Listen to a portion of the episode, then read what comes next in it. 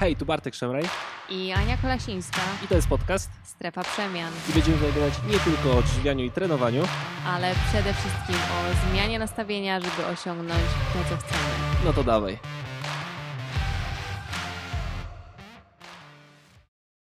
Cześć Bartku. Cześć Aniu, mówiłem ci, że pięknie dzisiaj wyglądasz? No jeszcze nie, Pięknie dzisiaj wyglądasz. dziękuję. No przestań. Dobra, dzisiaj ostatnio rozmawialiśmy o mnie, dzisiaj rozmawialiśmy o tobie. Boję się tego. Powinieneś. No wiem. Dobra, to zacznijmy od takiego pytania, które, no zresztą dużo z tych pytań się pewnie powtórzy. Em, pytania, kim jesteś? Nazywam się Bartek Szemraj, mam 26 lat obecnie, mam 1,86 m wzrostu i waży 92 kg. A tak serio to jestem trenerem, dietetykiem a, i staram się pomagać ludziom w zmianie nawyków, a, głównie żywieniowych, treningowych i w zmianie w podejściu do życia. To poczekaj, bo tutaj wplotę od razu to pytanie, które się pojawiło na Messengerze, skoro powiedziałeś, że jesteś trenerem i dietetykiem, to jakie jest Twoje wykształcenie w tym kierunku? Kończę właśnie nieszczęsne studia na kierunku dietetyka, a wyciągnąłem z nich Nic. No myślę, że może jakiś tam 1% wiedzy, no ale jeżeli biorąc pod uwagę to, że większość profesorów jest o tyłach, profesorów podkreślam, no to chyba jednak coś jest tam nie tak i zdecydowanie całą wiedzę praktycznie opieram na tym, co jest za granicą mówione powiedzmy, przez lekarzy też głównie. Ale cały czas się dokształcamy też, mimo już No to jest jakby zdobytej, podstawa, no nie da się nie zdobytego wykształcenia i wiedzy i robimy teraz bardzo dużo takich zagranicznych kursów, prawda? No tak, no, nawet teraz gdzie był? Stanford Znaleźliśmy i na- na Princeton, Stanfordzie. tak. Ja pierdzie, jakby zrobimy tam kurs, to już w ogóle będzie kosmos.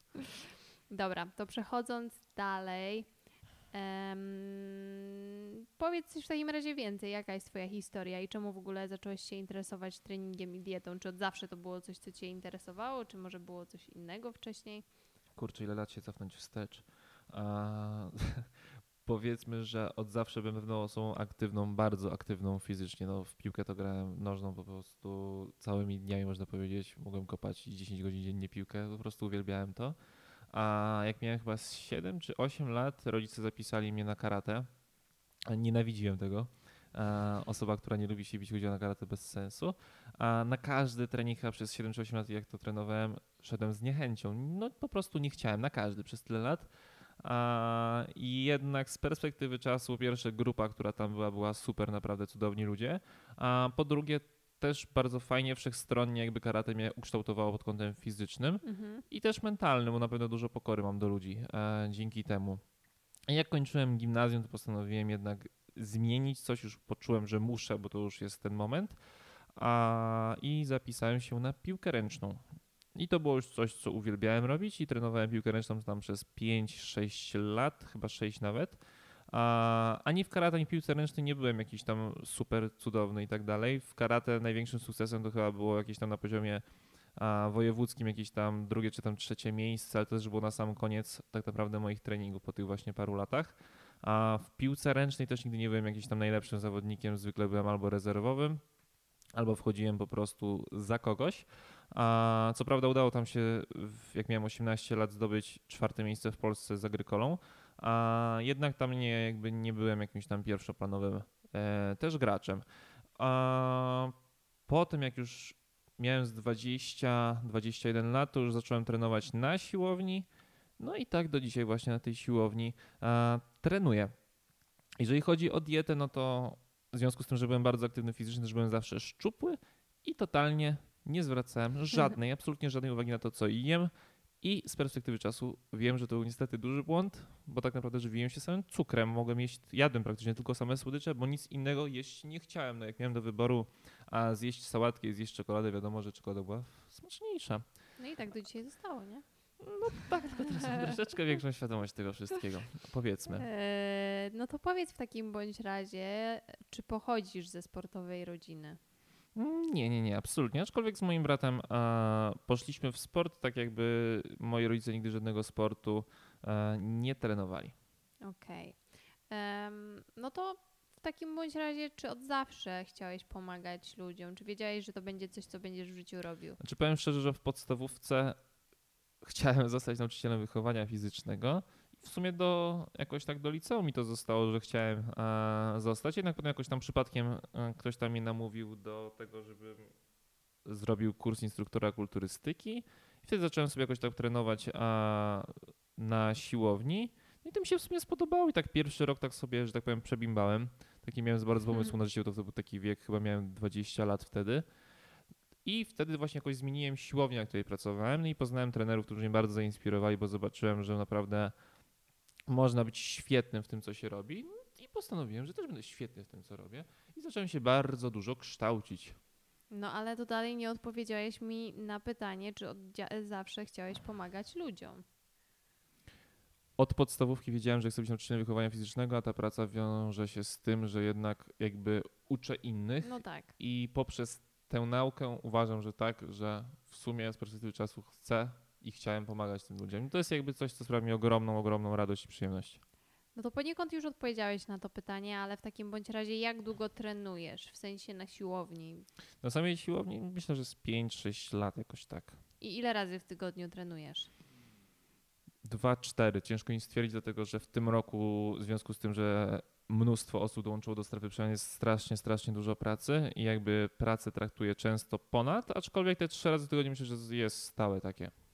No to teraz rozwiń ten temat, który już poruszyłeś się poniekąd. Czy zawsze jadłeś tak jak obecnie, a jeśli nie, to jak to wyglądało wcześniej? Nie, do 20 roku życia jadłem sam cukier praktycznie i to były albo ciastka, albo batony, a, albo jakieś budynie, albo jakieś frytki, co ja tam jeszcze, jakieś placki jadłem, naleśniki, zapiekanki, pamiętam takie kajzerki z żółtym serem. Czyli typowe domowe jedzenie. Dokładnie tak. Oczywiście całe życie katar, całe życie kaszel, y, całe życie lekarze nie wiedzieli, co mi jest, a oczywiście tam też byłem zaraz alergikiem, y, uczulenie na kurz, na roztocza, no ale wiecznie ogólnie na antybiotyku. No i oczywiście po prostu takie geny. No to Takiego dlaczego, miałem. to dlaczego zmieniłeś to odżywianie, skoro przez całe życie tak de facto jadłeś, tak jak powiedziałeś, cukier?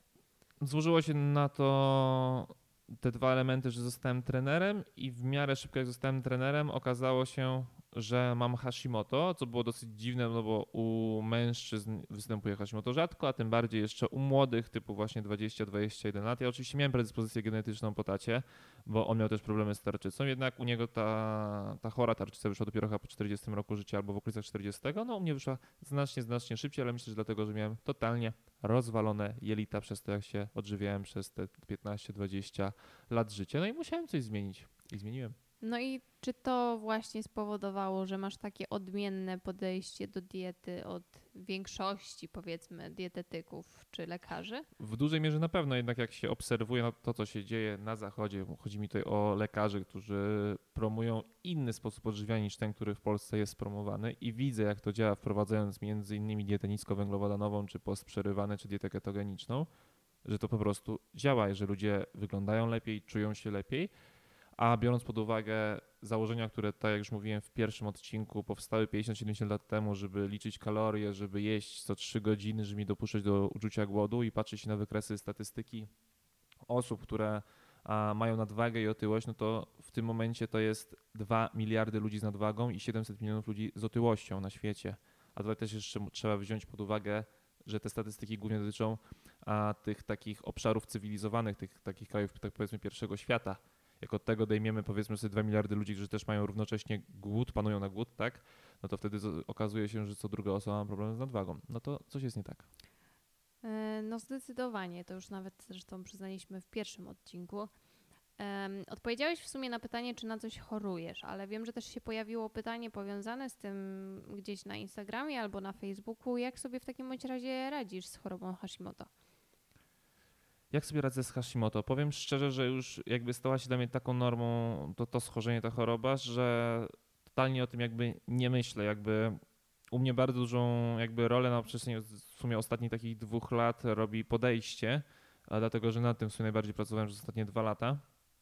I tak naprawdę mam Hashimoto, tak, wiem o tym, że je mam, ale i to spowoduje to, że mam trochę ciężej, ale jakby totalnie nie zwracam na to uwagi. No, nie chce mi się tak samo jak innym, czasami nie mam siły tak samo jak inni, a to, jak moja głowa po prostu sobie z tym poradzi, to jest cały jakby w tym wszystkim klucz. Jeżeli chodzi o to samo, o samo to, jak sobie radzę z Hashimoto, no to wiadomo, że muszę zwracać uwagę na ilość snu, no te 7-8 godzin to przy Hashimoto to jest w ogóle absolutne minimum, najlepiej w ogóle by było 9, aczkolwiek nie mogę sobie na to w tym momencie pozwolić, albo źle gospodaruję czasem, zależy kto jak, Hmm. kto jak do tego podejdzie. A biorę świńską tarczycę i to już kilka lat. Jak kilka lat temu to sprowadzałem, to ludzie się, y, że tak powiem, pukali w głowę, co ty bierzesz co dzieciaku. chodzi? Teraz już lekarze normalnie świńską tarczycę przepisują. Ja tu mogę tak w skrócie powiedzieć, że świńska tarczyca ma wszystkie pięć hormonów, które produkuje tarczyca, a Eutyrox albo Letrox, które zwykle lekarze jeszcze w Polsce przepisują, e, ma jeden lub dwa. Czyli po E, prostu jest Jest lepsza. bardziej naturalna, tak. A to jest to. Dodatkowo sobie suplementuję jeszcze witaminę D3 i co jakiś czas selen.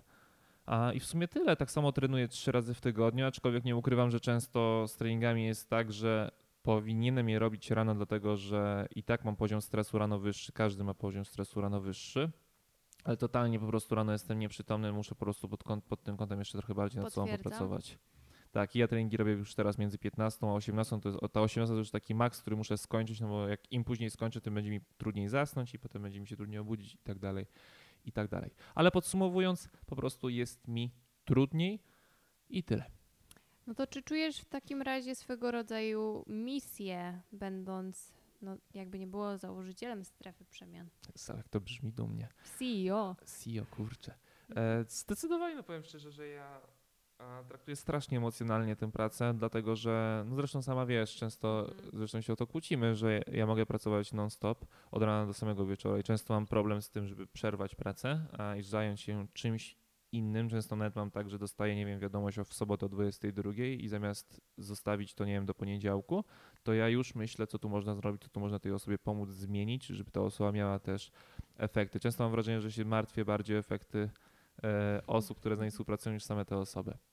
Ale tak, zdecydowanie to jest misja i to jest coś, co sprawia naprawdę mi dużo radości, satysfakcji i też poczucie szczęścia, bo jak dostaję wiadomość od osoby, której w sumie nie znam, którą tylko znam, nie wiem, przez Facebook albo Instagram i taka osoba mi pisze, że 15 lat próbowała i nic, a teraz nagle schudła 10 czy 20 kg i zmieniło się jej życie, no to to jest niesamowite.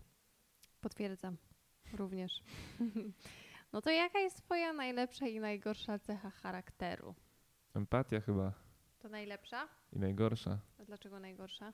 A, no dlatego, że się za bardzo wszystkim jakim, no, w dużym stopniu, tak. No, nie powinienem się każdym po kolei przejmować tak samo, a, a jednak to robię.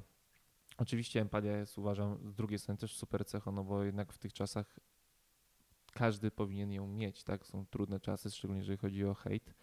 A są czasy, kiedy ktokolwiek sobie może wejść na Facebooka, Instagrama, YouTube'a i mnie wyzwać od najgorszych, albo mnie poniżyć, albo cokolwiek.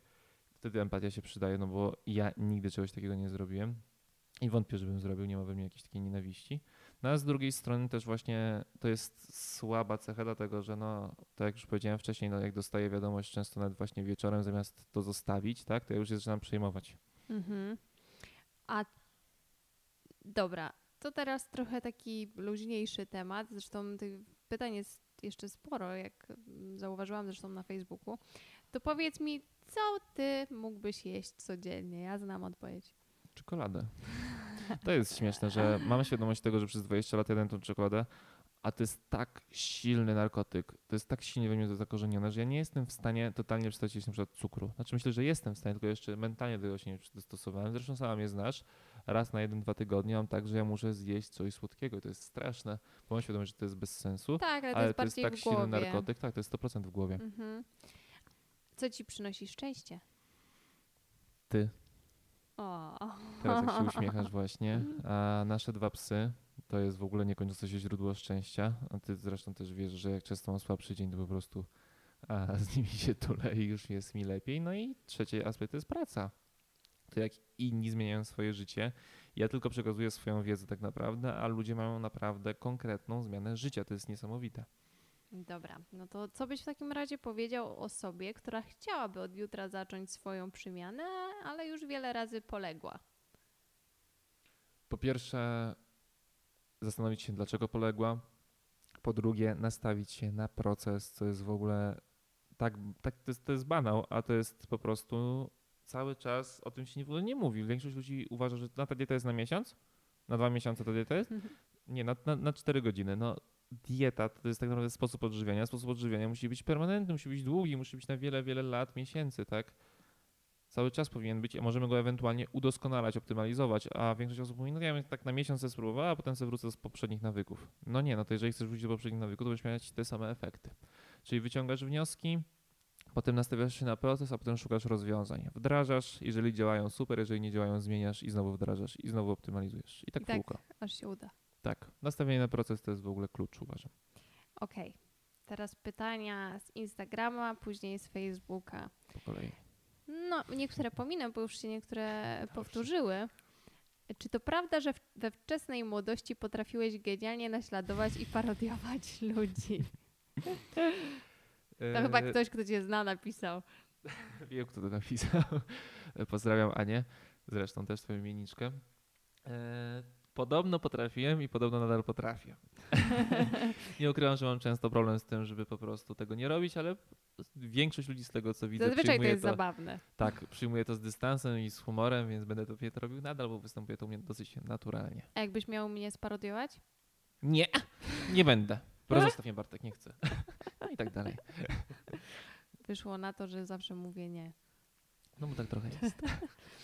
Czy kusisz się na przysmaki mamy babci i wtedy na sekundę odstawiasz zdrowe zasady? Jasne, że tak. Koniec.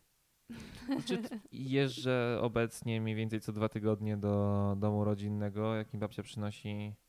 Co mi babcia przyniosła? Rosół z jakimś Rosół, ale to makaronem. rosół no to akurat zdrowy. zwykle jem ten makaron, aczkolwiek proszę ją zwykle o to, żeby ten rosół był w szklance. A jak mi zrobi jakieś placki ziemniaczane, które są połączeniem tłuszczu i ziemniaków, no to też Albo nie za ciacho. bardzo, albo ciastko, no to też to zjem, no bo nie chcę sprawiać przykrości. Oczywiście teraz, no ale Bartek mówi, że a, nie powinno się, znaczy, że trzeba być asertywnym. Oczywiście trzeba być asertywnym w momencie, kiedy, mus, inaczej, muszą być priorytety, tak? Ja w tym momencie wyglądam tak, jak chcę wyglądać i mi ten jeden placek czy dwa te placki nic nie zmienią, a mojej babci będzie miło. Jeżeli ktoś ma skrajną otyłość, no to wtedy uważam, że trzeba być jednak bardziej asertywnym i bardziej na to wszystko uważać. No dobra. To jest pytanie, które nawet ja sama jestem ciekawa odpowiedzi. powiem Czy wszystko. jest jakiś sportowiec, którego podziwiasz? O, jest dużo sportowców, których podziwiam. No to podaj jednego, no. Chociaż. Michael Jordan, Nigdy bym tego nie trafiła. LeBron James, jeżeli chodzi o koszykarzy, nawet z polskich, nie wiem, Robert Kubica, Otylia Jędrzejczak, no Robert Kubica nam mi szczególnie zaimponował tym, że wrócił, tym, że był na topie, można powiedzieć, tak, że już nawet zdobył tam Mistrzostwo Świata chyba w tej Formule 1, chodzi mi o wyścig, a potem miał groźny wypadek i wszyscy go skreślili, a on uporem, procesem wrócił z powrotem do Formuły 1, to jest dla mnie niesamowite. Tak samo jak, nie wiem, ci koszykarze, którzy są teraz najlepsi na świecie, piłkarze i tak dalej. Nawet Cristiano Ronaldo mi imponuje swoją ciężką pracą właśnie tym, że oni po prostu są nastawieni na to, żeby zdobywać, osiągać i robią to, co chcą osiągnąć i nie marudzą pewnie. Okej, moje ulubione pytanie. Dawaj. Jak poznałeś się z Anią i dlaczego Warszawa? Kiedy ślub? Jak się poznałem z Anią? No ogólnie Opowiedz tą Był historię, bo straszny to jest pytanie, które się trzy razy dzień. powtórzyło. był straszny dzień, padało, byłem cały mokry, nie wiedziałem, co zrobić ze swoim życiem, aż nagle z daleka zobaczyłem promyk nadziei. Promyk szczęścia. Zobaczyłem najpiękniejszą dziewczynę, jakąkolwiek widziałem. No dobra, Trochę powagi. Byliśmy na siłowni, ja akurat prowadziłem trening personalny i Ania wtedy była na schodach takich. Na e, których już nie jestem, nie chodzę, nie, nie, nie, nie, No, no, no właśnie, mam nadzieję, już jej to zmieniłem. Takie schody cardio. I zobaczyłem jej kształtną sylwetkę. I pomyślałem, o kurczę, ale piękna dziewczyna. I co wtedy zrobiłeś? E, Zobaczyłem, że już tak, ten, że mi lajkuje zdjęcie na Instagramie. Myślałem, też jej polajkuję zdjęcie na Instagramie. Potem sobie okomentowaliśmy zdjęcia na Instagramie. Nie, nie pamiętam. Potem Ania powiedziała, że chciałaby z mną trenować, jeżeli chodzi o treningi personalne. Ja jej odmówiłem, bo po prostu mi się podobała i uważałem, że to by było nieprofesjonalne, gdybym trenował z kobietą, która mi się podoba i z którą chciałem się umówić na randkę. I odmówiłem jej treningów, ale jednocześnie zaprosiłem na kawę. O nie, nie, nie, nie. Ja zaprosiłam ciebie na Boże, kawę. gdy była zdesperowana, no ale nie dziwię się. no i tak się wszystko zaczęło. To dlaczego Warszawa i kiedy ślub? Dlaczego Warszawa? Nie mam pojęcia, po prostu było blisko mojego domu rodzinnego, Słupna. A kiedy ślub? W ciągu najbliższych mm, lat. no w ciągu pewnie dwóch, trzech lat myślę, no. Zależy bardziej od Ani chyba. Aj, aj, aj. Dobra, czytam, czytam kolejne pytania. Nie będę tutaj e, komentować Jedziemy, tej jedziemy, jedziemy. odpowiedzi. Mhm. Em, plany na przyszłość. Ślub. No Dobra, już nie podlizuj. Trzeci, trzeci pies. Dom. No Jak i będzie miał oczywiście trzeci pies na imię? Lucek. Lucjan. Lucjan. I też będzie bulldogiem.